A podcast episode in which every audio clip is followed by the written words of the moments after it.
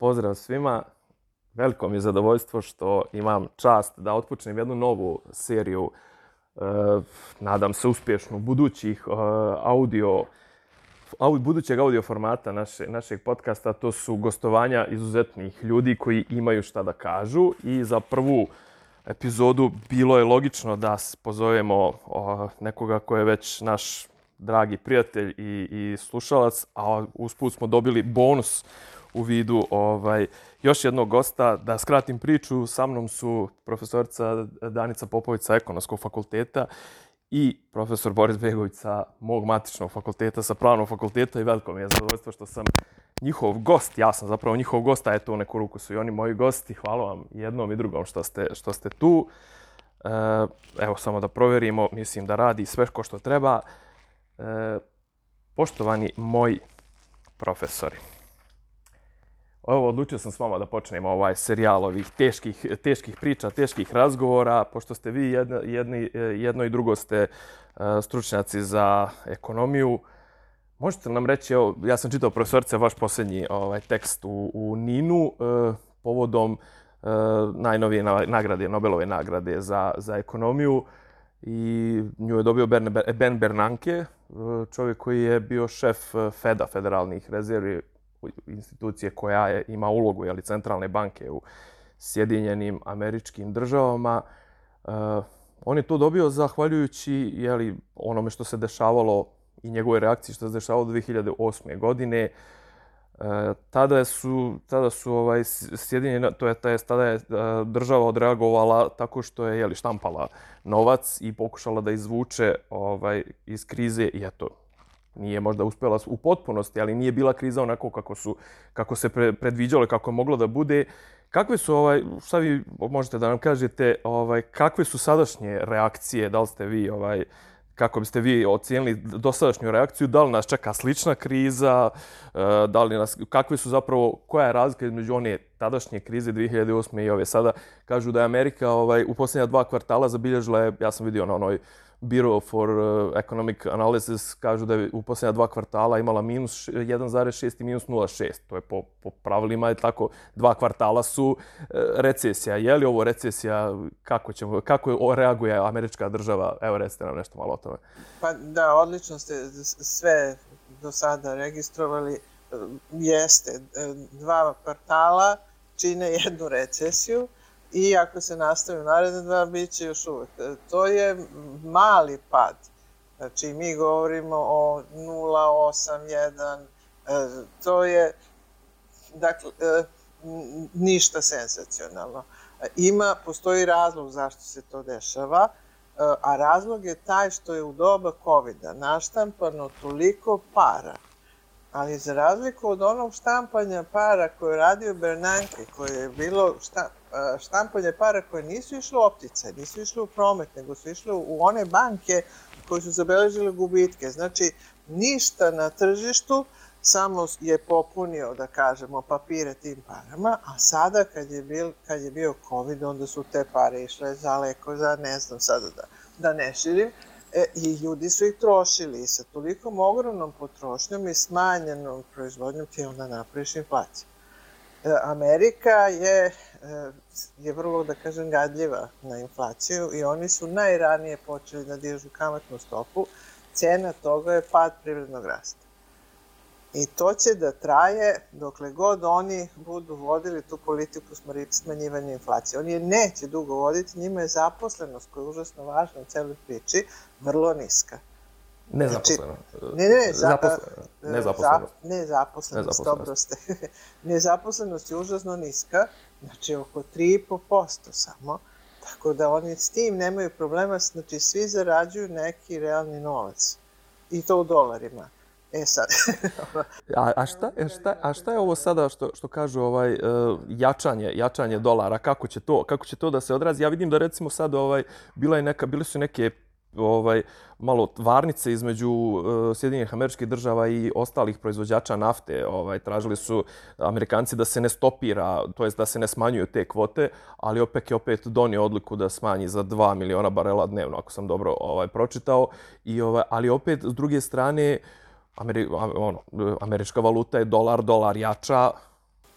Dolar, e, dolar jača i to, to je činjenica. E sad ovi hoće da se snađu u, u toj celoj priči, ali vi, ako ste vi, e, znači Saudi Arabija ili neka zemlja koja proizvodi naftu, vi na taj način hoćete da zaradite još više. Ne samo da vi prodajete u dolarima, a živite za domaći novac, znači tu dobljate, nego hoćete da dobijete još time što smanjite ponudu svaki put kad smanjite ponudu, podignete cene. Dakle, da je to pokvarena igra, ali ovaj, oni žive od, od toga. To. A, vrać, vraćamo se uvijek ovaj, da je jeli, ekonomija uvijek vezana za politiku.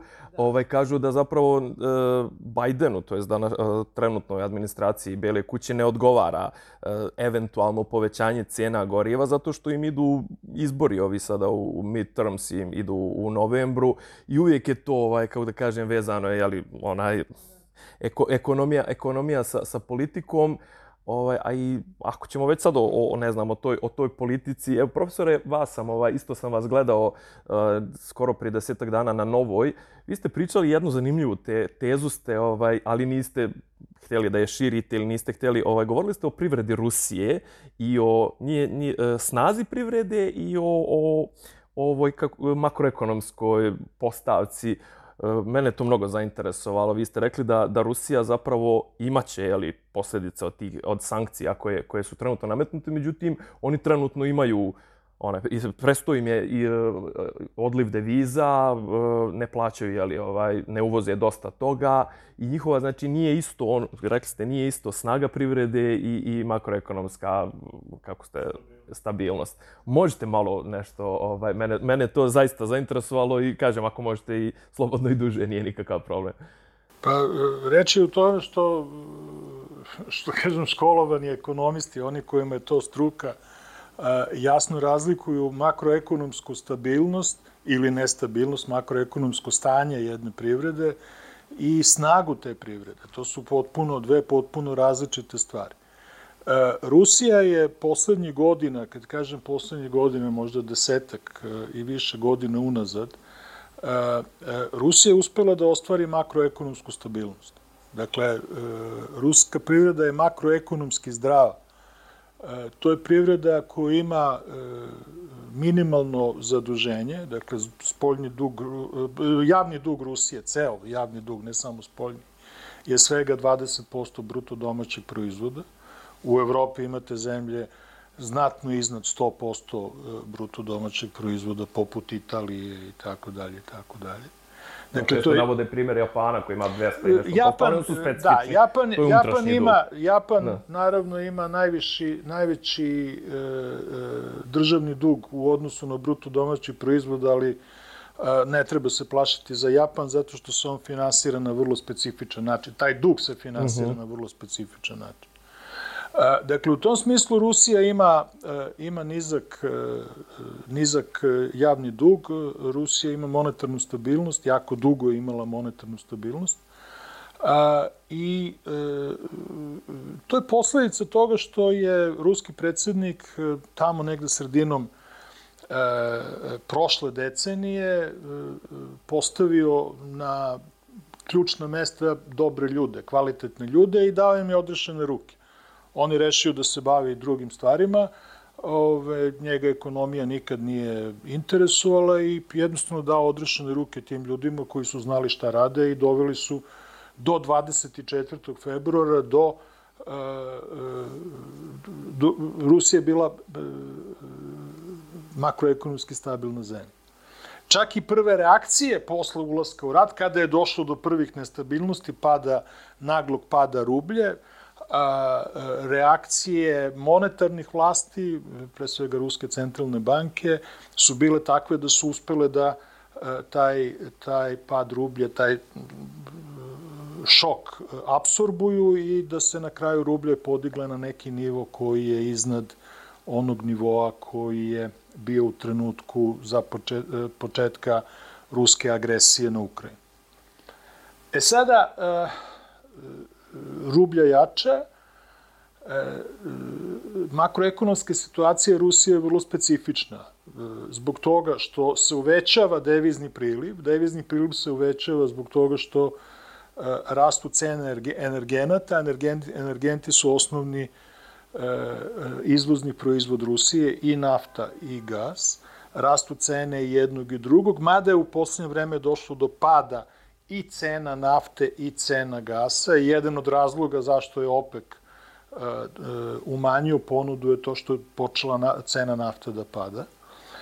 Doduše, Rusija jeste u situaciji da prodaje ozbiljne količine nafte uz ozbiljno, ozbiljan popust novim novim kupcima. Ti novi kupci su pre svega u Indiji i Kini i oni koriste sadašnju situaciju da za sebe isposluju što povoljnije cene. Ne, nisu, to nisu javni podaci koliki su diskonti u pitanju, ali po svemu sudeći su značajni. Dakle, s jedne strane, Rusija ima povećanje prihoda od e, prodaje energenata, e, zbog toga što se Evropa još uvek nije lišila uvoza e, ruskog gasa. Uvoz ruske nafte je oročen do kraja ove godine, osim te tog specifičnog slučaja isporuke nafte naftovodima, to je ta koncesija koja je napravljena Mađarskoj. S druge strane, e, ova jedna strana se uvećao priliv deviza zbog porasta cene e, energenata, jednog i drugog. S druge strane, e, opao je ruski uvoz. I tu se vidi kako sankcije deluju. Dakle, zabranjen je izvoz velikog broja proizvoda, prekidaju se saradnje zapadnih preduzeća, korporacija sa Rusijom. Dakle, ruski uvoz je drastično opao, prema tome odliv deviza iz Rusije je opao, priliv se povećao, e, odliv je opao, pa je potpuno prirodno i uz druge mere koje se premenjuju, potpuno je prirodno da rublja u tom, e, u, u takvom kontekstu jača. Zbog toga što je veća ponuda deviza nego što je tražnja e, za njima. Ruska, to je, ovo je sve bila priča o, o makroekonomiji, makroekonomskoj situaciji Rusije. E, šta je problem sa ruskom privredom? E, taj problem nije od juče. Problem sa ruskom privredom je nizak stepen njene diverzifikacije. Ona se oslanja u velikoj meri na prirodne resurse.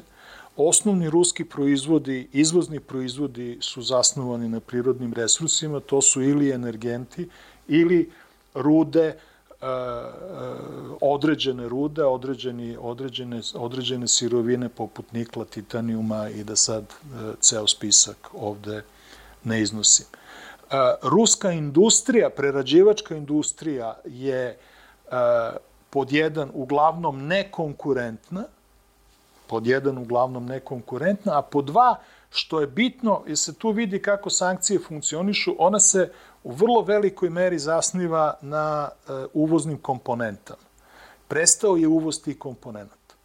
Prestao je uvoz komponenta i samim tim dolazi do pada proizvodnje. E, e, pojedine, pojedine grane industrije imaju ogroman pad, automobilska industrija, pad, pad proizvodnje automobilskoj industrije za 90%. Upravo zbog toga što e, su prekinute saradnje sa zapadnim proizvođačima. Recimo, Renault se povukao iz svog zajedničkog preduzeća koje ima u Rusiji. Prekinuto je snabdevanje e, nekim ključnim delovima, komponentama za, za automobile i pala je proizvodnja. Ona će verovatno da poraste zbog toga što će proizvođači automobila u Rusiji da se prilagode ali ono što se dešava i svega onoga što se vidi, ono što se dešava, ti će automobili ličiti na one automobile od pre 30-40 godina, jer jednostavno će se oboriti nivo... Volge. biće Volge, biće Lade, biće Moskvići, biće sve ona, sva ona vozila naše mladosti, mislim moje mladosti, koje sam, koje sam gledao u Beogradu, osim toga Lilija Čvorović je lepo rekao koji je auto bolji od Moskvića. Tako je. A, E, e, primer, primer, primer kako to utiče na, na, na Rusiju, e, mislim da je na rusku privredu. Mislim da je dobar primer aviosaobraćaj. Uh mhm. -huh. Iz nekoliko razloga. Prvi razlog, aviosaobraćaj je izuzetno bitan za Rusiju. Rusija je teritorijalno jako velika zemlja i, i povezanost različitih delova Rusije od velikog značaja za funkcionisanje ne samo privrede, nego uopšte društva tog ruskog. A, najveći deo aviona koji se koriste u putničkom saobraćaju su e, zapadne proizvodnje. Dakle, nacionalni avioprevoznik Aeroflot ima negde oko 96% njihovih aviona su e, zapadne proizvodnje. Ako se meri po broju, ovo je po broju aviona, ako se meri po broju sedišta, još i više, 98%. Šta se dogodilo? Dogodilo se vrlo brzo da su oba zapadna proizvođača, Airbus i Boeing, da su prekinula, dakle, ne samo prodaju aviona Rusiji, nego su prekinula prodaju rezervnih delova. I prekinuli su, što je jako bitno, servisiranje tih aviona, odnosno kompanije koje su servisirale ruske avione su to prestale da rade. E, e, centar za servisiranje aeroflotovih aviona bio je u Frankfurtu. E, toga više nema. E, nema rezervnih delova. E, već je došlo do pada ponude e, aviosaobraćaja. Već se umanjuje broj letova. E, poslednji podatak kojim raspolažem, e, očekujem nove podatke upravo ovih dana, ali poslednji podatak koji raspolažem je jun. Broj, prosečan dnevni broj letova u junu bio je 10% manji nego prosečan broj, e, dnevni broj letova u junu. E, junu ove godine bio je 10% manji od juna meseca prošle da, godine. Godina za godinu, da. A, godina na godinu. E sad, ono što je vrlo bitno, to je da se on iz meseca u mesec, e, ta razlika se povećava. Dakle, u maju da. mesecu je bilo 8%, sada je 10%, ja očekujem da će u julu, u avgustu, avio saobraćaj mora da se gleda po mesecima zato što ima sezonalni da, da. karakter. Ove, e, e, ja očekujem da će u junu, avgustu to ići preko 10%, da će biti 12, 14 i tako dalje. Zašto se to uvećava? Pa zato što u trenutku prestanka snabdevanja su postojale određene zalihe. Te zalihe, kako vreme prolazi, one se iscrpljuju. E, ono što će da se dogodi na kraju, to će da će sa e, jednih aviona da se skidaju delovi i stavljaju na druge avione. A, tako da e, je, mislim da ta, ta cela epizoda koja sad već traje, da ta cela epizoda pokazuje slabost ruske privrede u, zbog toga što je slabost njena s jedne strane nizak stepen diverzifikacije, A sa druge strane, u uslovima sankcija slabost je visok stepen integrisanosti u svetsku privredu. Da je u pitanju Sovjetski savez, onaj kakav je e, nekada postojao, neki žale za njim, e, onda ove sankcije ne bi delovale ovako kako deluju. One bi, zato što Sovjetski savez sve sam proizvodio, prema tome nije bilo nikakvih problema da se, da se s tim nastavi. E, sada, međutim, E, e, što duže traju sankcije, one će imati sve veći i veći efekt. To sam baš htio da vas pitam. Znači, kakvi su dugoročni posljedice, ok, da li, može, da li mogu ti, te, ti do, te dobiti na finansijskom tržištu, da li mogu da absorbuju, to jest, mnogi kažu, ide zima, kako će evropljani preživjeti zimu, to, a šta ćemo u slučaju ako kojim slučajem, a može da se desi, Evropa preživi zimu? Razumijete šta hoću da vas pitam? E, da kažem, e, svi oni koji zagovaraju kao tu, jeli, ovaj, rusku stranu priče, kažu kako će oni... Međutim, ja, meni nekako djeluje, mislim da ste i vi o tome pričali, e, evropska ekonomija pokušava da pronađe neke alternative i pokušava da premosti to. Sigurno će ova zima biti teška ali već za sljedeću zimu bit će taj period od pola godine, godinu pripreme, pripreme gdje će oni naći ili alternative u smislu novih energenata ili novih izvora, a ruska privreda ostaje onaka kakva jeste i morat će da se pre, prešalta na nove, ovaj, kup, nove kupce, to su Indija, Kina, koji pitanje da li mogu da generišu toliku tražnju koliko su, ne znam, ovaj, Evropa i, i, i dru, prethodni ovi koji sada su uveli sankcije, prethodni komitenti generisali znači na duge staze nije ovo dobra. Što duže traje, hoću da kažem, sigurno nije bolja situacija za Rusiju. Pa ja lično mislim, naravno, kažem, buduć... jedna stvar i vezano za budućnost je to što ne znamo šta će da se dogodi, ali možemo da procenjujem. Uh, ovo će biti prva zima, uh, već se, već se Evropa, kad kažem Evropa, mislim na zapadnu Evropu, odnosno na Evropsku uniju, već se ona pripremila u velikoj meri za ovu zimu. Neće ova zima biti med i mleko, e, biće dosta problema. E, neki put, neki put o tome slušamo iz domaćih medija onako okrenutih Moskvi e, da su to katastrofalne stvari. Međutim, Nemačka, recimo Nemački, Nemačke rezerve gasa u skladištima, one su sada na 94-5%. E, otvoren je novi gasovod koji snabdeva e, Baltičke zemlje, Europske unije gasom iz Norveške. Otvaraju se, e, otvaraju se novi, novi terminali za tečni gas koji dolazi ili iz Amerike ili iz Katara, to su najveći proizvođači e, tečnog gasa, gasa koji se, koji se pretvara u tečno stanje. Prema tome, Evropa će kako ja vidim, preživeti. Da li će biti, da li će teći med i mleko? Neće. Biće problema ali mislim da će ovo biti poslednja zima u kojoj će biti problem. E, sledeća zima će već biti potpuno drugojačije. E, što se tiče preorijentacije Rusije na nova tržišta, e, ona može u određenoj meri to da čini sa naftom, u određenoj meri, zato što i tu postoje određene sankcije Evropske unije, naročito vezane za transport nafte.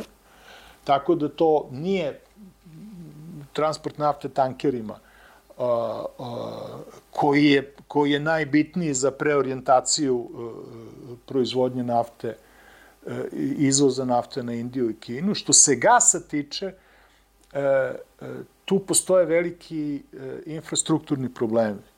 Reč je o tome da su ruska nalazišta gasa gasovodima vezana za najveća ruska nalazišta gasa su gasovodima vezana za Evropu, ne za Kinu. E, ono što je kapacitet, kapacitet koji postoji prema Evropi, to je 75. Gas, gas ima strašno čudna jedinica, 75 jedinica, ono što postoji prema Kini, to su četiri jedinice. Dakle, to je nešto daleko manje i e, e, graditi infrastrukturu u Aziji, je strašno skupo zato što je Azija velika, to su velike teritorije, to su velike daljine, mi živimo u Evropi, Evropa je mali kontinent, tu su male zemlje, teritorijalno male zemlje, Azija je nešto uh, potpuno drugojačije. Tako da, e, gradnja gasovoda je skupa, to je jedna stvar. Druga stvar koja je bitna, za gradnju gasovoda su potrebni, e, potrebne tehnologija sa zapada, Dakle, te mašine su sa zapada. Setite se one cele priče, laži o Severnom toku 1, da nešto nije u redu sa turbinom. Uh mhm. -huh. Na kraju se ispostavilo, na kraju se ispostavilo da je to bila politička odluka ili je kanadska. Uh, to je kanadska, da. da, da, ali kanadska firma je servisirala nemačku turbinu. E, tako da, da, to da, je da, Siemensova da, da. turbina, a kanadska firma je nju servisirala. Za nove gasovoda neće biti ni, ni, ni Siemensove ni, ni turbine, ni kanadske, ni, tako. Ni, ni kanadskih servisera, ovaj, da. E, prema tome, e, mislim da kako vreme bude išlo, e, da će sankcije sve više i više da deluju u smislu da će ruskoj privredi, ruskom stanovništvu biti sve gore i gore. Vi ste pomenuli ste, pomenuli ste ovaj, Mađarsku i njihove izuzetke. Evo sad može pitanje za, za oboje. Ovaj, kako vi gledate uopšte, meni je, meni je to zanimljivo, ovaj, mi konkretno i recimo i za nas, ovaj, mi smo se vezali prilično ovaj, politički za, za Viktora Orbana. Kako će ove sankcije, kako će ova kriza uopšte političku sliku krvnu Evrope, hoće li je mijenjati, hoće li se pojaviti novi Orban ili će Orban možda da bude ono posljednja crna ovca koja će da bude istisnuta, pošto on, koliko vidim, jedini nije uveo neke sankcije, on onako ima neke izuzetke, ovaj, zašto je fenomen Orban? Pazite, fenomen Orban verovatno da, da, da prevazilazi to, znači Naravno. vrlo je specifična stvar. E, e, nekoliko elemenata. E, prvi element, Evropa jeste otišla u desno, u Evropi je sve više više populističkih por, partija, pokreta, nazovite i kako hoćete, i sve više i više populista e, dolazi na vlast. E, Orban jeste, jeste jedan, jedan od njih, možda nekako najglasniji, hajde tako da, hajde tako da kažemo. I najranije se pojavio. I sa najdužom, znači najduža, da. najduža karijera je upravo njegova. Sad imamo ove nove u Italiji tek su sad uzeli vlast, mada imaju dugu tradiciju, jel? A ja, Italija Pošto ima tradiciju naslanjaju... populizma, mislim. Molim? Pa Italija svakako ima tradiciju populizma. Pa da, ali on, taj populizam u Italiji baš, da. je bio fašizam, sad se više ne zove fašizam, sad se zove malo, sad se zove malo drugojačije, ali čini mi se da je razlika u pakovanju, jel? A, zašto je to tako u Mađarskoj? Pa, e, e, e, zašto nekom, nekom na prvi pogled, e, ne, na prvi, ne na prvi pogled, nego e, zaista treba, treba objasniti jedan paradoks. Ako je neka zemlja propatila pod sovjetskom okupacijom, to je Mađarska. Dakle, Mađarska je bila okupirana e, kada je Crvena armija, kako mi to volimo da kažemo, oslobađala Mađarsku, koliko je oslobađala, to je drugo pitanje. Crvena armija se borila sa Wehrmachtom i izbacila na kraju Wehrmacht iz Nemačke, dokle ga je izba, iz, izvinjam se, iz Mađarske, na kraju ga izbacila iz Nemačke. Da, da, da, da. A, e, druga 100 stvar... dana opsade, čuveni 100 dana da, opsade da, da, Budimpešte znači, to, i rušenja mostova. To je zaista bilo, bilo, ne ponovilo se druga stvar, e, to je bila intervencija 1956. godine koja je deo nekog mađarskog kolektivnog identiteta i, i tu mislim da nema nekih. I, i moj utisak je da oni pamte jako dobro te stvari. A, e, šta je još jedna stvar koju Mađari pamte i, i to, to, je, to je deo njihovog kolektivnog pamćenja, to je to je da su deo, da su deo, drug, da su deo neke zajednice i oni to nisu mogli da podnesu ni u vreme Austrougarske. Dakle, Mađarska je tada problem mađ, mađarskog identiteta a, je po njihovom mišljenju ugrožen. Čak i Austrougarska je bila konfederacija, dakle, ali, ali to je ostalo, to je do dana današnjeg ta, ta, ta, taj strah od nekakvog nadvladavanja, nadglasavanja, e, koji je dolazio tada po, po njima iz Beča, a, a, i otkako su postali delovi evropske, postali deo Evropske unije, Beč je e, zamenjen Briselom. I, i čini mi se da je to ta, te neki, neki stari njihovi politički instinkti da su opet oživeli, sada cilj više nije Beč, sada je cilj Brisel, i, i, i, i uspeh Orbana mislim da može da se tumači i e, na, na taj način. Oni su jedna izuzetno autohtona kultura i izuzetno mislim, oni kad kažu da Mađari, jeli, kao najbliži lingvistički srodnici su im, ne znam, Finci, Estonci, ja kad pitam sve neke svoje prijatelje Mađare, oni kažu naravno da ih ne razumiju ništa i da oni uopšte ne osjećaju nikakvu srodnost prema njima, a, ovaj, ali da, izuzetno jedna zatvorena, zatvorena zajednica i vrlo homogena i vrlo je moguće da, da žele da, da očuvaju tu, tu homogenost, ali opet sad vraćamo se na to pitanje, pa ćemo se vratiti, idemo dalje na, na neka, neka naša pitanja. To je ti pitanja, ta pitanja interesa, znači što kažete, Mađari su mnogo više propatili od Rusa, pa su sad odjednom kao najbolji, to jest najbolji saveznik unutar Evropske unije, ne najbolji saveznik, ali neko ko je najbliže trenutno Rusiji u, u Evropskoj uniji su Mađari. Sad za, za vrlo, istorijski gledano vrlo kratak period 56. je bila revolucija, 89. su zapravo jeli, so, poslednji sovjetski vojnici otišli, nije prošlo ni 35 godina, sad se već vratio te se taj anti-briselski, a pro-moskovski sentiment, što je i mene zaista, iako sam živio u Mađarskoj nekoliko godina, i, i nije mi uopšte, ovaj, nije mi jasno, jasan taj potpunosti taj obrat. Evo, vi ste neke stvari zaista lijepo osvijetili. Ovaj, među, I sad, ne znam, te, te sankcije, evo da se vratimo, možemo i vas, profesorka. I meni je recimo interesantan sad naš prilaz tim sankcijama. Mi smo skoro čuli ovaj, od, od našeg eh, predsjednika da mi već 230 dana izdržavamo da ne uvedemo sankcije. Kao da su sankcije pitanje eh, izdržavanja, neizdržavanja. U stvari, mi ih gledamo očigledno kao gledamo ih kroz novčanik na kraju krajeva, ali zar ne bi trebalo zapravo sankcije da budu pitanje toga? Ako je neko u pravu, nećeš mu uvesti sankcije nikad, ako je neko u krivu, u, mislim, ok, sankcije kao sankcije, možemo da pričamo o njima kao, kao sredstvu, da li se slažemo, ali na kraju ako ih uvedemo, u svakom slučaju će biti kasno. Pa ja ne znam ni da će biti kasno, e, a mislim, prvo, moja, moj prvi očaj je što, što u ovoj zemlji i nikakve informacije prave nemamo ni šta se u svetu dešava, ni šta kod nas hoće.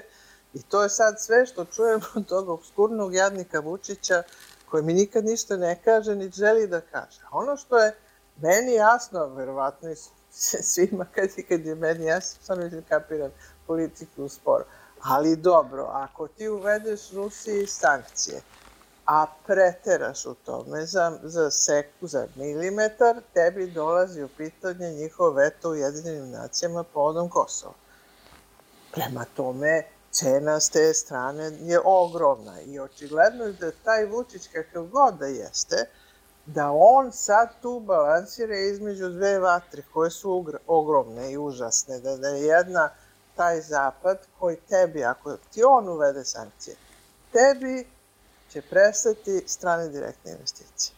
Ako prestanu strane direktne investicije, neće više biti priliva kapitala. Ako ne dođe kapital, pozdravite se sa kursom od 117. U, sad ste, sad ste baš otvorili mnogo tema pa koje sam ja htio, ne, koje sam htio nešto malo, malo kasnije, ali Dobro. da, to su, to su, to su, mislim, e, to su da. najbitnije teme, definitivno. Pa, Evo, možete sad odmah da kažete, uh, šta je pro, šta je kontra nas uvijek učili na fakultetu yes. da kažu da je ovaj jak, jak, jak precijenjena domaća valuta ne pogoduje izvoznicima, a pogoduje uvoznicima, pogoduje da, međutim da. ovaj sa ovo, sa ovom inflacijom sa i ne znam skoro da li ste vi profesor ili, ili možda, možda čak i vi, neko je, neko, nekoga sam da. slušao kako se nasmijao na konstataciju našeg predsjednika koji moli da Evropska banka ojača euro ili tako nešto, mislim, mislim da su to... Da je Begović. Mis, mislim da, da su ovaj, da, mislim da ovaj, da, kako da, kažem, yes, to su... Ne, ne moli, on savetuje. On, on, save, on savetuje, ne, da. Ne moli naš predsjednik nikog. da, da. Ovaj, e, a, a, recite vi sad, ovaj, šta je taj, taj kurs, uh, taj 117, e. taj fiksni kurs, mislim taj, fiksni, ne, ne, da. nazovimo ga, praktično je fiksni. Jasno, taj kurs od 117 je jedna, jedna od najvećih gluposti koju bi uradio bilo koji predsjednik. I sad, kogod me sluša i kome odgovara taj 117, nek, nek počuje šta hoću da kažem. To pričaš kao korisnik, kao neko ko ima dinare u džepu i kome će taj kurs koji se promeni naviše i bude 130, 150, će mu, o, jel tako, život napraviti ružnim nego što da, danas jeste. Nešto će mu poskupiti, da.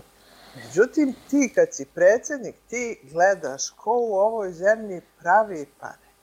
Znači, ko su dobitnici, a ko su gubitnici? Gubitnici smo mi, mi koji primamo plate od jedne, penzioneri, ne znam, sada primaoci invalidnina, eto, znači, i ti ako promeniš taj kurs, njima će biti lošije.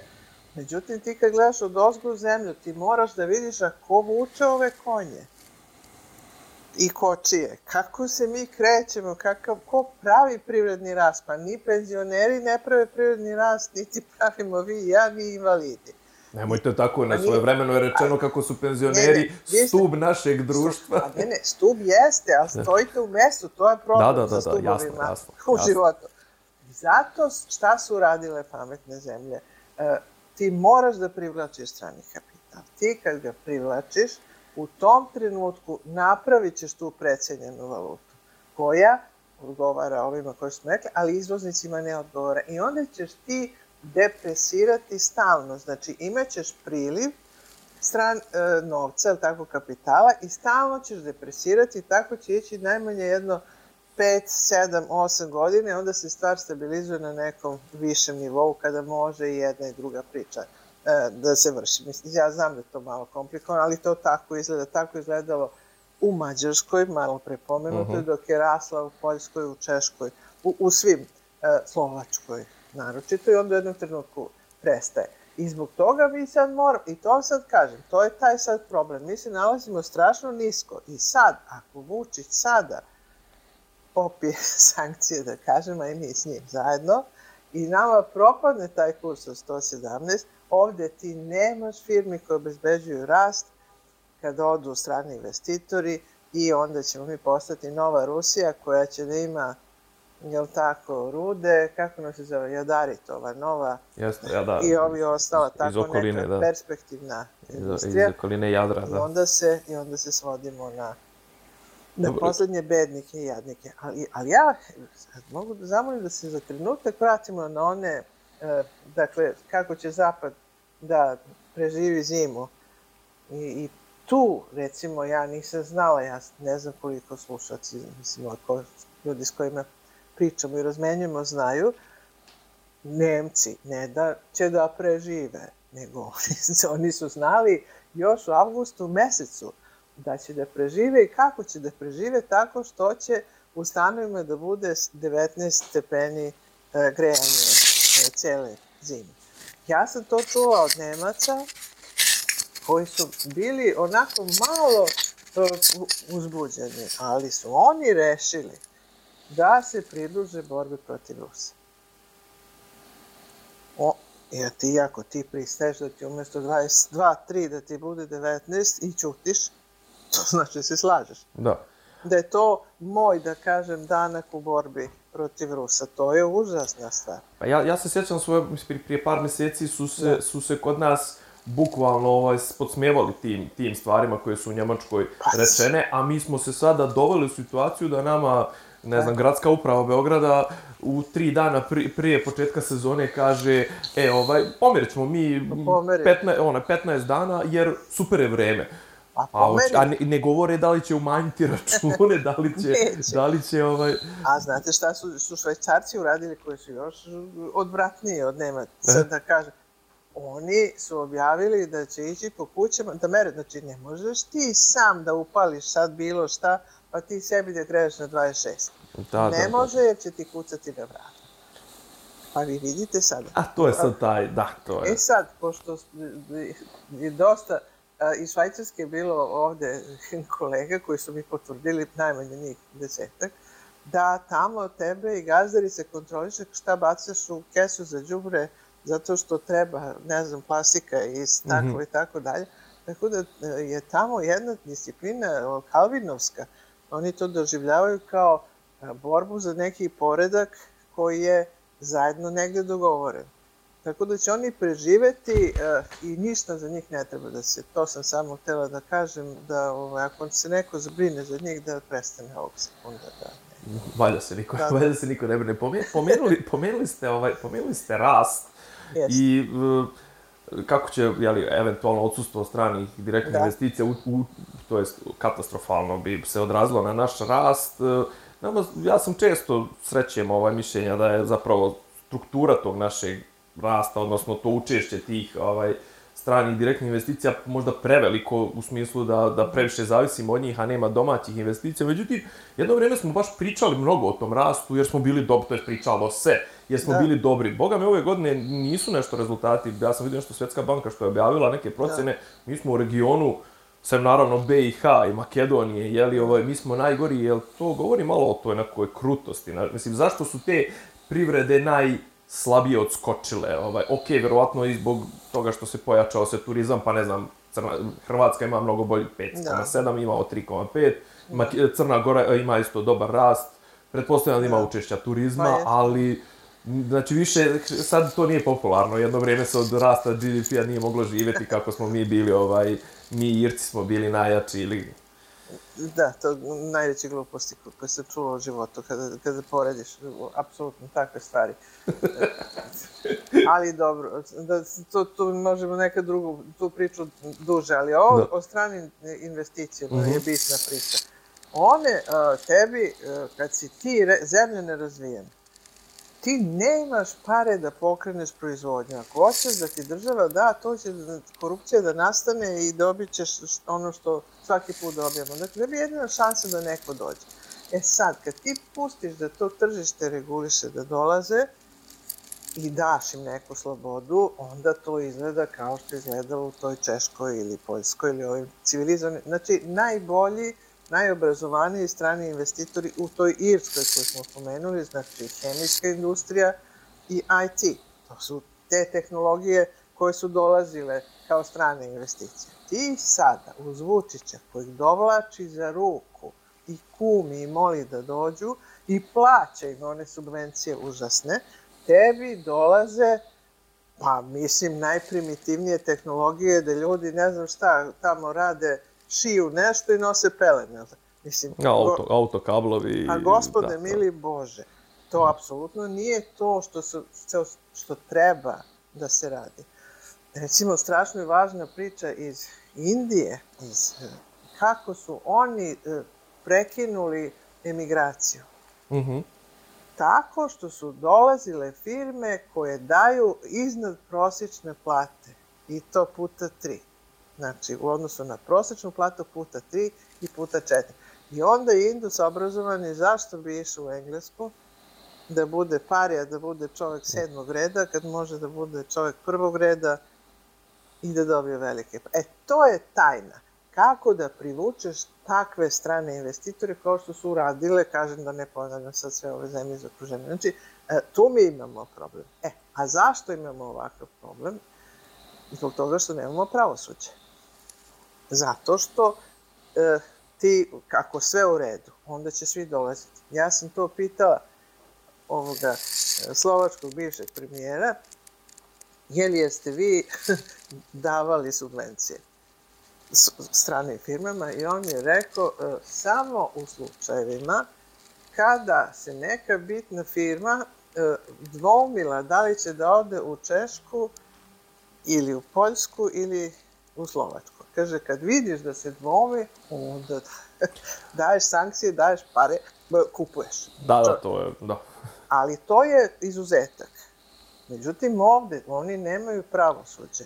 Oni ne, ovaj koji god dođe od tih investitora, on sve svoje probleme rešava tako što direktno s Vučićem. A da, mi smo imali čak, čuli smo one rečence, ovaj, koliko god vam nude negdje dođete kod to, nas, mi ćemo vam dati 5%, 10%, to, to je baš onako pija, ko, pijačarsko. Ko, ko, ko, ko, ko, god ste, šta god ste, ja ću vam dati, pa daj bre, to nema baš nekog smisla. Pa nema. E, a, apropo tih, da. baš, baš neki dan, ovaj, baš čitam, neko je to čak i označio kao, jeli, e, privatni, kako se, ne mogu sad tačno da se sjetim mm. definicije privatno, apropo ovih, e, to sam čitao u posljednjem ninu, je li mi imamo problem sa zaduživanjem na, na svjetskom tržištu, pa smo morali kod Arapa da odemo?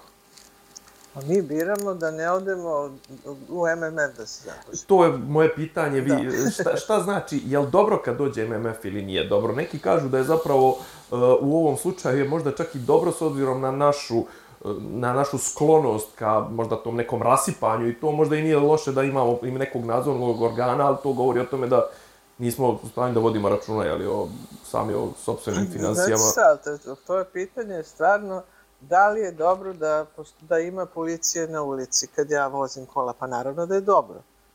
Naravno. Da. I da li meni smeta što ima i, i policije i što gore i svetla na, na zgradi, ne znam, ovih državnih organa, pa naravno da je to za mene odlično. Ja onda znam da je ovo uređena zemlja. Da. I šta meni tu smeta? Ništa mi ne smeta. Ali ako tebi smeta da postoji da će MMF upravo da bude policajac, ko će samo da gleda kradeš li, e, lažeš li, muvaš li na računima. I ako ti nećeš to, nego ti hoćeš da radiš upravo to pomenuto, onda ćeš ti radije da odeš u kinu, da se zadužiš ili kod brata, kako se zove, Bin Zajeba, mm -hmm. kako se već zove, i, jer oni neće. Oni da. ne pitaju, da. Pa, briga ih. A drugo, znate šta i da pitaju, oni nemaju administraciju koja bi ipak MMF pokrio na svetsku mrežu. Ne. I da hoće, kaže, ne bi, ne bi imali tehniku to da izvedu. Na sve, Tako da to da. je ceo, cela priča. A drugo, ranije je MMF strašno mnogo koristi donosio e, Srbiji. U, u smislu da ti kada imaš društvo koje nema demokratiju, da čak i jedan čovjek koji želi da pokrene on to ne može, zato što ima protivnika u ovoj firmi, direktor moćan koji je povezan sa, ne znam sad, šta, s, s kim sve nije. I on onda, ili ona koja je na, na čelu države, onda jednostavno kaže, pa evo MMF meni uslovljava da ja moram to je to. Naprimer, da se proda NIS, ono, u ono mm -hmm. doba. Ono je bila, zašto je prodat NIS? Pa prodat je zbog toga što je trebalo da Srbija pređe na put tog bespartijskog rukovodđenja. Da se više, NIS je bio najveći gubitaš. Najveći u celoj Srbiji. I prodat je, gospode Bože, mi kad smo čuli kome su ga prodali, to je tek bio voče nama, misleći je, našli ste stvarno crkvu da ćete kapital da plasirate, međutim, taj NIS je sada naš najveći dobitnik i profitaš. Dakle, čak i firma koja nema neko iskustvo u biznisu, da kažem, i u nekoj vrhunskoj uh, menadžmentu i operativi, oni, kad, oni jednostavno nisu nikog svog tu zapošljavali, oni nisu nijedan futbalski klub finansirali ko što ovi finansiraju, niti političku stranku ili ne znam šta, i sva ta, pa, sve te pare ostadoše u nisu i eto njima profit. Eto, u tome se radi. Da, da, da. O, da to mislim, je bilo to što jasno, je jasno. od nas MMF tražio. E sad isto postavilo da. se negde pitanje o, hoće li ovaj, nama na neke duže staze, hoće li nama ta milijarda biti dovoljna, pošto dospevaju neki veliki, ovaj, veliki dugovi dospevaju, da. jer ne znam, baš gospođa koja vrši ovaj, dužnost premijera trenutno u tehničkom mandatu već Moja osam meseci, je. ovaj, ona je imala jednu zanimljivu, ovaj, zanimljivu je, da, re, rekla je, re, baš je nešto sad ću pokušati, ovaj, baš da nađem ona, ovaj, bo, mislim, vratit ćemo se na to, na to, na tu vladu, to je, ovaj, to, to je... To vaše omiljene gospođe, da. Da, ovaj, pa, on, o, ovaj, one, one, da, uvijek će se pozivati na to kako su se, jeli, kako je to do 2012. smo se zaduživali, a sada, evo sad smo se konkretno zadužili smo se u tim dolarima koje smo pominjali, koji jača, jača zapravo, čak kažu da je već ovaj sad, sa ovim jačanjem dolara, ta milijarda već bi nas koštala, već će nas koštati više nego što da smo se zaduživali, ne znam, na tih nekojih 3%, da smo se negdje zadužili ono u eurima na, na ne znam. A, na... Dobro, ali neće dolar da ostane na ovom nivou. Mislim, dolar niko nije zakucao na ovom nivou, pa će sada ostane ne znam koliko.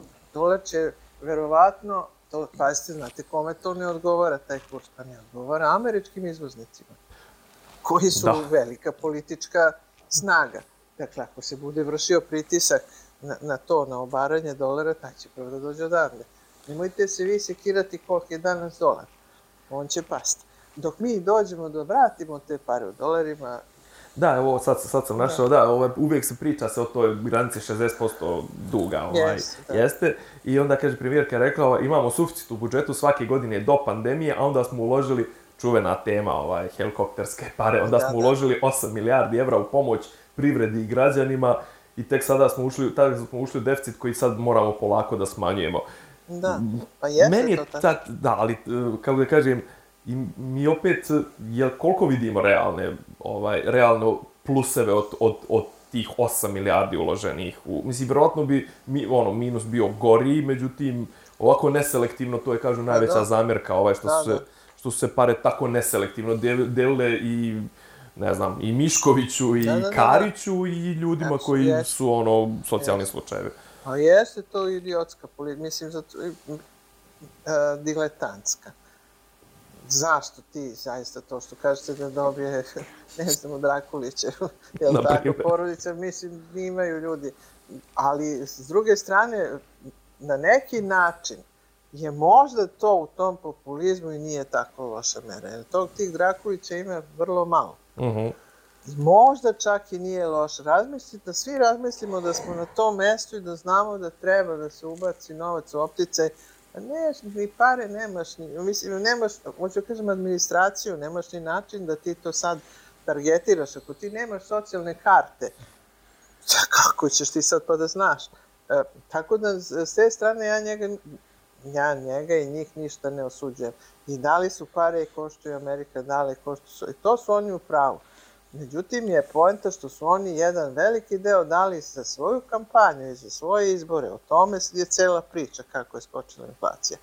Skakala je na mladima, ne znam, pa onda penzionerima 10%, ne, 20%, pa onda penzionerima nešto u, u naturi, Paketi, da, da, da, da. to, to su za Srbiju ogromne pare. Ja mislim da je skoro jedna trećina tih pomenutih para otišla na njihove izbore. Je li to uticalo na to da kod nas inflacija bude relativno viša nego pa, u nekim naravno, drugim? Pa naravno, upravo to. Gledajte vi, zašto kod nas, kad gledate cene ovih drugih zemalja, ne znam, kod nas je, ako je kod nas nešto evro, to isto u, Eng u Engleskoj, ja. u Nemačkoj košta 50 centi. Pa nemoj, molim te. Znači, poskupalo je i tamo, poskupalo je ovde, a mnogo više kod nas. E, to je sve, to su ti izbori, to je. A dobili bi izbori bez, bez tih para. Ali ja izbori su bili 3. aprila, mi još uvijek nemamo vladu. Pa nemamo i šta, ali ja vidite, to meni sad potpuno jasno. Jer no, taj pomenuti, uh, ne znam kako da kažem, predsjednik države, da kažem. Ima, ima, ima, mislim da ne znam ko je to, čiji je to izraz, mislim Joje Bakća, nepomenik. Et, nepo, bravo, nije odlično, e, taj nepomenik. Uh, on ima, on jadnik, onog dana kad izabere vladu, onda je pitanje kome ćeš ti uvesti sankcije prvo. Da li ćeš ti prvo da uvedeš Rusima ili ćemo mi tebi? To je ovo pitanje da, da, iz da. Evropske unije. Za sada, dok nema vlade, oni su, znači, ono, ne vidite me, pokrio sam se ćebetom uh, i vidi nema me i vidi ja sad nemam snage, ja nemam, dakle, organe koji mogu da bilo šta donesu bilo koju odluku, a onog trenutka kad sednu, Biće, reci. I zato je on počeo sad da plače da će da da ostavku da... A dobro, to, joj, ja nisam baš nešto, ovaj, nešto, nešto mu ne verujem, ne znam, za, ne, ne znam zašto. Ne ni ja, nego ja kažem, to je sad ta priča da plače. Ja mislim da definitivno da, su, da, da je naša politička elita vladajuća da je išla na to da će oni su išli na to da ovaj sukob neće trajati dugo da, i da su pa otprilike da. onako kao pa mislim, ali 6, 7, 8, 9 meseci zapravo, 9 meseci praktično od, od, od raspisivanja izbora i ulaska u tehnički mandat. I onda kažu, mislim, ali ne znam, mene, mene više ta objašnjenja njihova i opravdanja toliko su mi nesuvisla. Oni kažu, ali imali smo ozbiljniji stvari da se bavimo njime, nismo, njima nismo mogli da formiramo vladu. Pa koliko mi zapravo dajemo utisak neozbiljne države činjenicom da, da u takve krizne situacije ulazimo bez vlade, mislim, to je ono što vi kažete, nedostatak pravosuđa, nedostatak pa da. uopšte ozbiljnog vođenja države, mislim. A to je, vi na, bit, na najbitnijim mestima imate kao Zagorku Dolovac, koju novinari jure, ova beži, kaže, nemojte da me uznemiravate. Da. Mislim, vi imate ljude toliko nedostojne bilo čega. Pa me verujte, ja ne znam, pa sutra da stane da prosi, pa ne bi mi pare dao. Evo, evo, evo najljepša, ovo, najnovija, mislim, to je današnja vijest, ovaj, da se obradujem, kaže da ćemo u sljedećem savezu imati 25 ministarstava. Jo, mislim to, da možda i bude i 300. Mislim, na, što, šta fat? I onda da podele to, mislim, onda više nećete znati, evo recimo ja u prošloj njihovoj vladi, ja pola pojma nemam ko je ko. Znači, postala neka ministarka privrede, što sam je videla jednom na televiziji možda dva puta, jedino znam da, da žena onako se sija ono, u licu i da je ruralne onako face neke i apsolutno ništa nisam ukapirala ni koja, ni šta je, verovatno ni ona. Pa dobro, tako je sa ministarkom pravde. Pravde, jeste. Zim, za, za nju ima samo priča da je bila nekad u bija i valjda je to je jedina, i da je, kažu, dobar prijatelj lični sa predsjednikom. Pa je, I vi kad sve njih vidite, to je kao živa neka, da kažem, sprdnja, pa ona je Toma Mona, pa...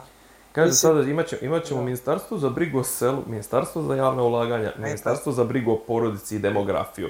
Mislim, pored svih tih što, pa da. briga da. i to, da, da, super. Ovaj, kažem, ja, ono, kažu, ne znam, neki kažu nema Srbije ovaj, bez Kosova, nema Srbije bez Rusije, ali ja možda na kraju postavio pitanje, A ima Srbije bez Srba? Mislim, kako smo krenuli... Upravo, upravo.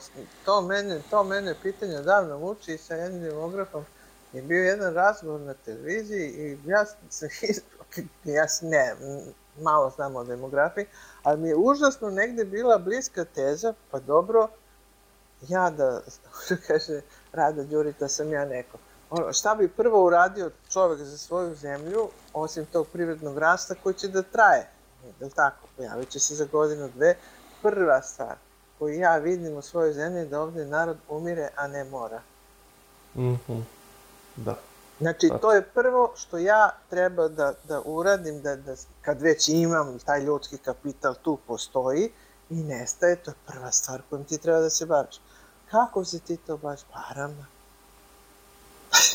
to je poenta priče. Znači, ti sad tu treba da ulažeš neki ogroman rad i da dovedeš neke zaista besprekorne ljude sa besprekornom reputacijom i ljudskom i medicinskom.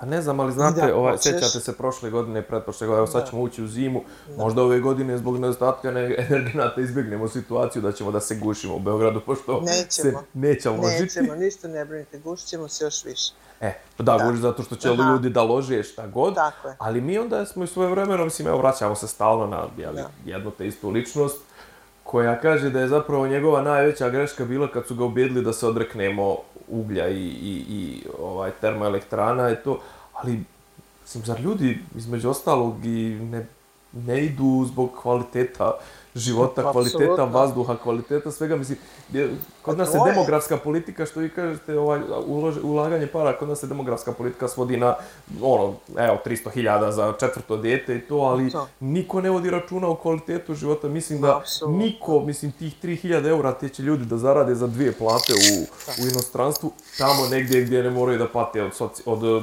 političkog zapošljavanja, stranačkog zapošljavanja, negativne selekcije, ko, ko, korupcije, klijentelizma, Mislim, zar to nije zapravo ključni kvalitet života, a ljude jednom kad odu teško ih je vratiti. A znate šta, kad neko tebi počne 2020 i ne znam koje smo godine, čoveče, dođe da meni on kaže rudnici su tvoj prioritet. Pa da, mislim, to, to, to, to je zaista da ti pomisliš, to je ono što radi ta Rusija jadna, da mislite vi, da je to sad zemlja koja nema ni avion, nema svoj motor od aviona, koja je postala jedna, što ovi kažu, Saudijska Arabija sa, sa nuklearnom bombom. Da. Mislim, to, da to je jedno najprimitivnije društvo moguće, što nas gura tamo? Šta ćemo mi tamo? Zašto moraju rudnici? Jednostavno, jel postoji taj Irak, jel postoji ta nafta po celom svetu? Ne mogu ja da uvezem to i da, da me ostavite na miru sa tim glupostima. A ovde da dolaze IT, ovde da dolaze ti koji će da, da zarađuju pare za najbogatiju decu da nam ostanu u zemlji. Zar to nije neka strategija, bre, čo, mislim, koju... Ta ne znam, mislim, mi smo se na kraju, ovaj, evo to nek, nek bude, ne znam, zadnje da. pitanje, ovaj, mi smo se svoje vremeno hvalili, jel, da smo na četiri stuba politike, spoljne, da. četiri stuba spoljne politike, mi trenutno, ne znam, ono, s Evropskom unijom imamo izuzetno zategnute odnose, okej, okay i oni imaju svoje probleme ovaj, i generalno i oni imaju problem da ne znaju možda u kom pravcu će sa kinezima je sve nešto tiše, mislim, ono, pa da. s njima je uvijek generalno posao sad je onako ispod, ispod da. Sa Rusijom mi imamo problem što zapravo geografija nam ne ide na ruku, mi da. sa Rusijom, iako bismo možda i željeli neke, evo sad smo videli taj primjer sa tim jadranskim naftovodom, pa sad gradimo neki preko Mađarske, neki naftovod želimo da gradimo jedini koji su nešto povećali ovaj prisustvo, da kažem, su Amerikanci koji su onako, zbog dolaska novog ambasadora, baš su onako vidljivi i, i čuju se dobro, ali smo mi na kraju zapravo spali od sa četiri stuba na jedan stub.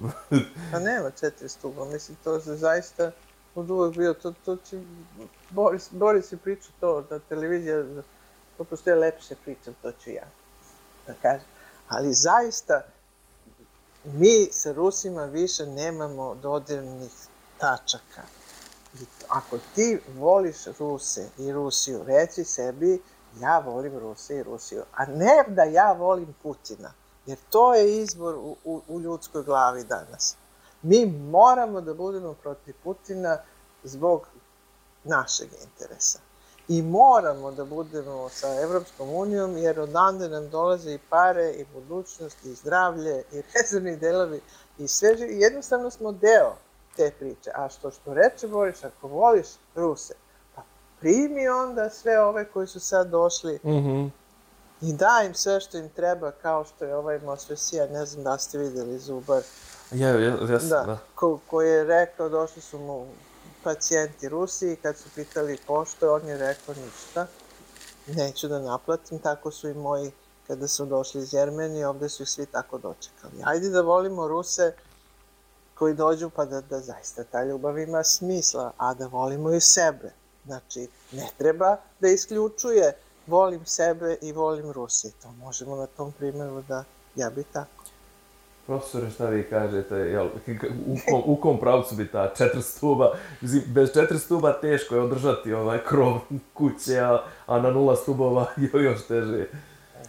Pa ne znam, mislim da, da već rečeno sve što... Ja vi, ste, vi, ste rekli, vi ste rekli jednu zanimljivu stvar, možda i čak u ovo prije smo počeli ovaj razgovor, da ova, isto ruska elita nema ideologiju. To ja mislim, mislim da je naš problem ovaj isto što, što i kod nas zapravo Mislim, to imamo isto neke unutrašnje razmirice, kod nas ćete čitati kako u vladi, ne znam, prozapadna ministarka se svađa sa proruskim, ono, koji je problem nedostatka, evo, ne, zadnje pitanje teoretsko, da. problem kad, kad država, kad elita, kad jedna politika, kad stranka, kad nemaju ideologiju.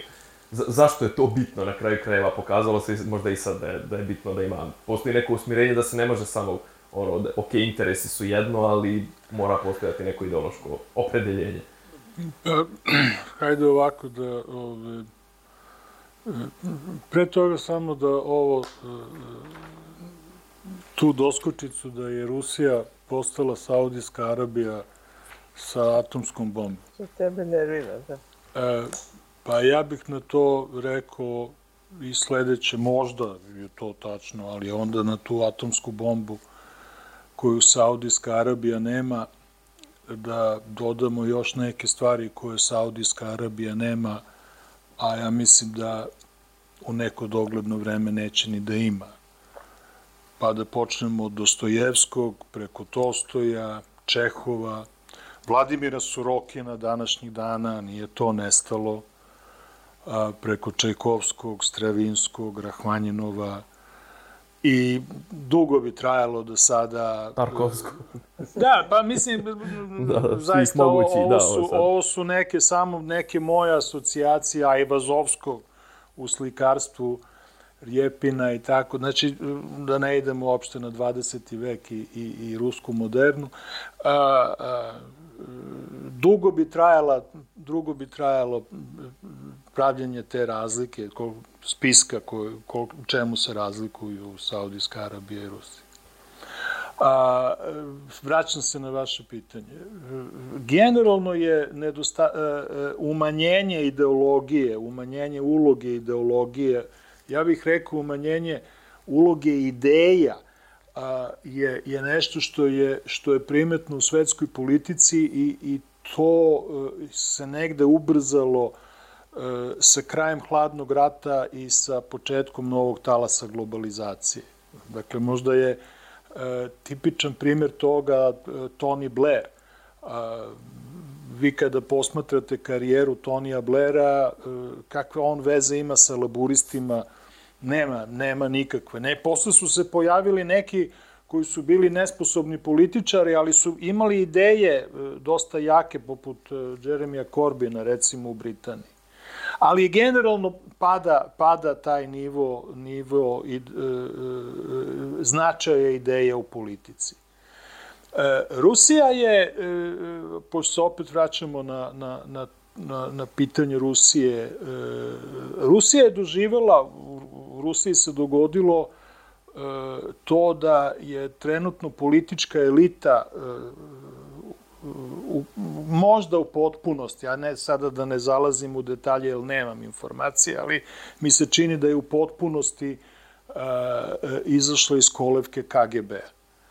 E, znate, te, te organizacije poput KGB-a, isto tako MI6-a, 5-a, CIA, FBI-a, to su ideološke organizacije. Oni imaju svoje ciljeve, ali oni su tehnokrati u tom svom poslu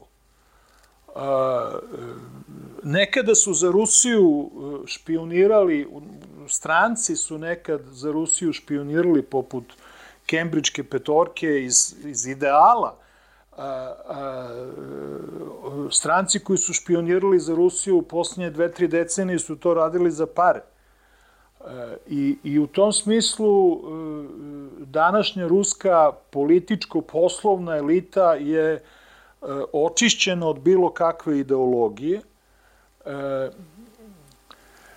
orijentisana je ka profitu i to kratkoročnom profitu, ako postoji neka ideologija, e, zaista nisam siguran u kojoj meri postoji, pošto e, nisam u prilici da to proveravam, ako postoji neka ideologija, e, onda je to ideologija obnavljanja carstva – obnavljanja ruskog carstva, kako će se već zvati, nije, nije, nije toliko bitno, ali uopšte nisam siguran u kojoj meri je to ideologija, u koju zaista veruju oni koji to sprovode, u kojoj meri je u pitanju propaganda za, kako se to nekad govorilo, narodne mase.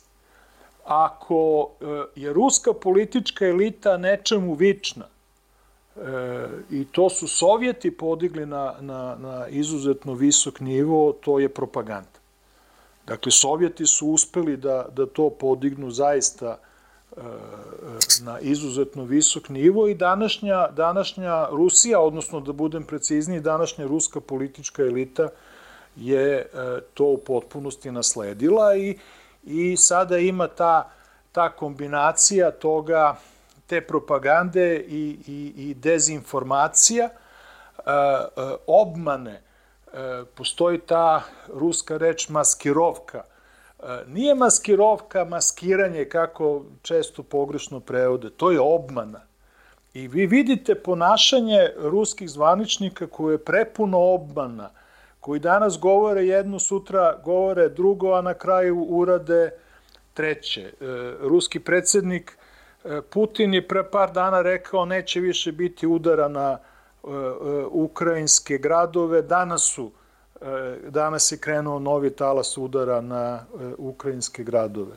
Prema tome, kombinacija propagande i obmane, to je ideologija, ako to uopšte može da se nazove ideologijom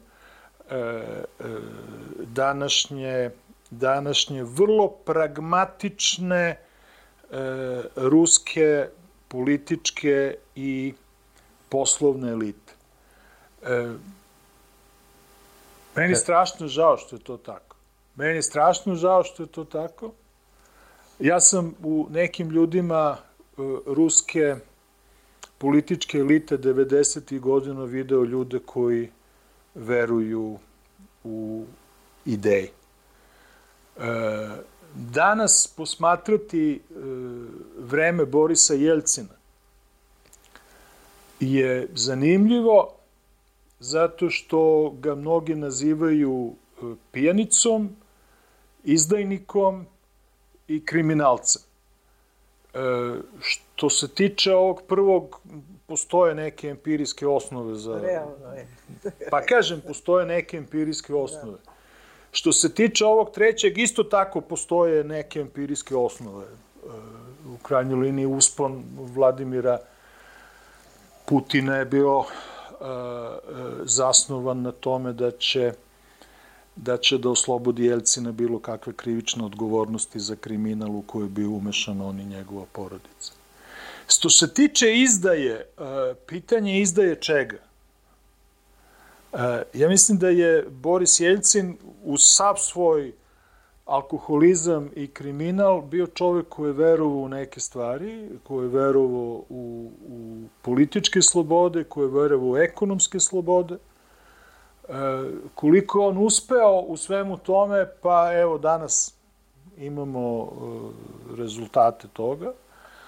A, ali je e, ta, ta, to neko vreme sa, sa ljudima poput e, Jegora Gajdara, Javlinskog i, i sličnih, to su bili neki ljudi koji su verovali u, u, u neke ideje.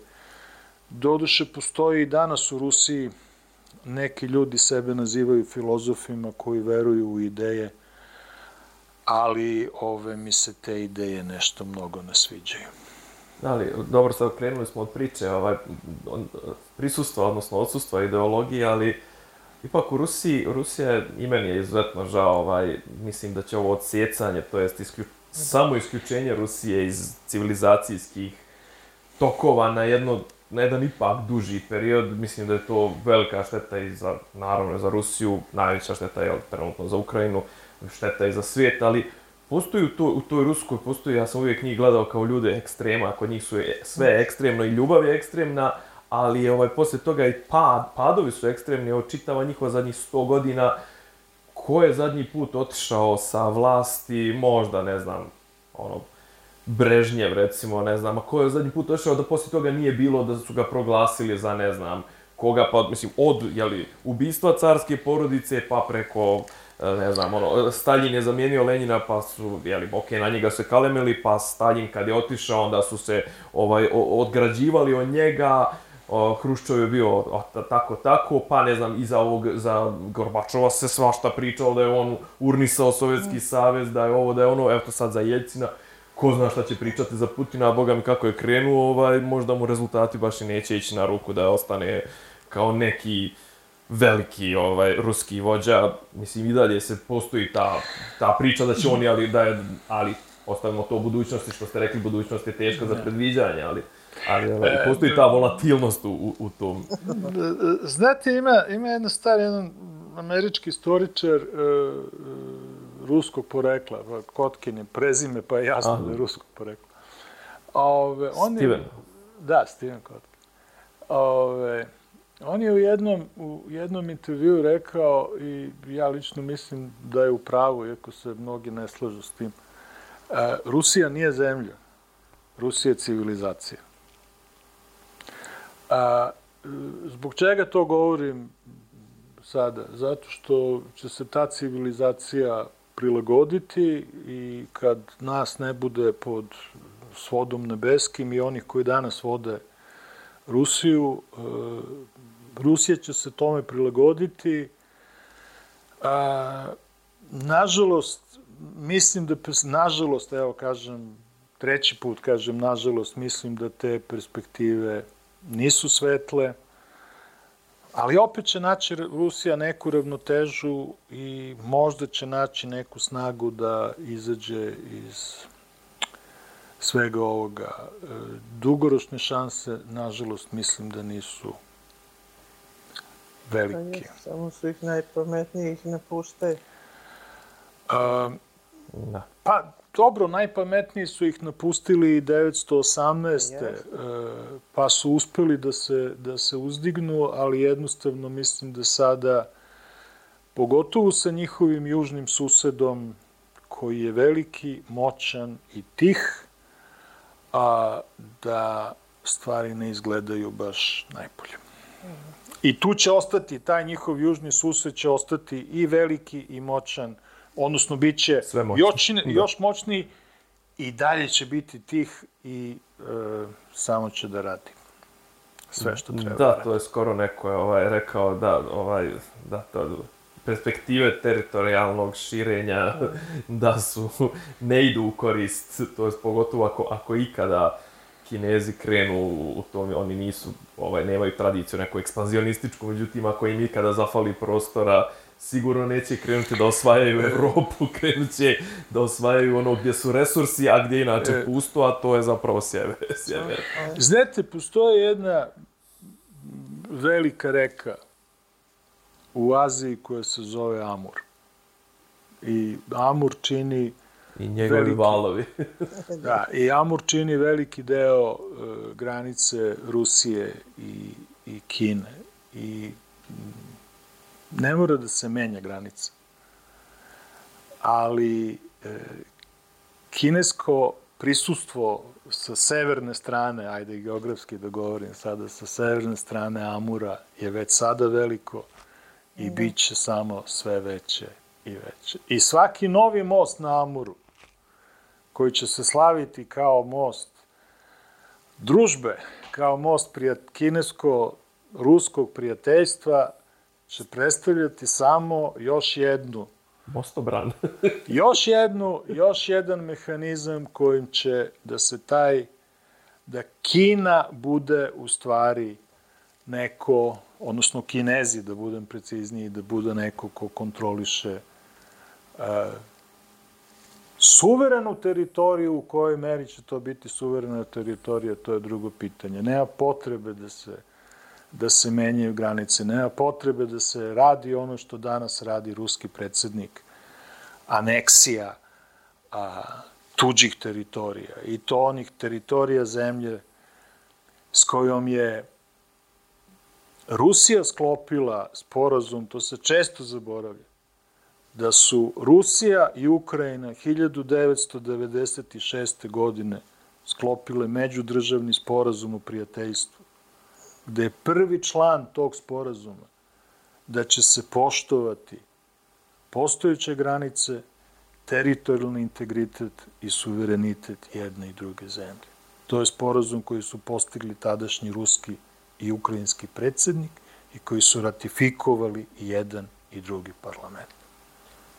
Da, i Budimpeštanski sporazum. Budimpeštanski iz 94. ali da. ajde da kažemo da je taj, pa mislim i da. Bjeloveški, da. znate, i Bjeloveški sporazum iz 91. o formiranju zajednice da. A, a, ali ovde baš u, država... za, za uzvrat, ovaj, zahvaljujući tome čemu sada ovaj, to jest doveli su se situaciju Ukrajinci da nemaju čime da se brane jer su se odrekli nuklearnog oružja u ali, zamjenu ali za, za to da će, da će mene, ih Rusi... Iako su to tri, da. tri međunarodne sporazuma uh, koji svaki ima svoju težinu, za mene je uh, negde u moralnom pogledu uh, najstrašnije to što je Rusija prekršila taj sporazum na koji je niko, niko nije terao to je bio sporozum o prijateljstvu dve zemlje koje je sadržao ove elemente.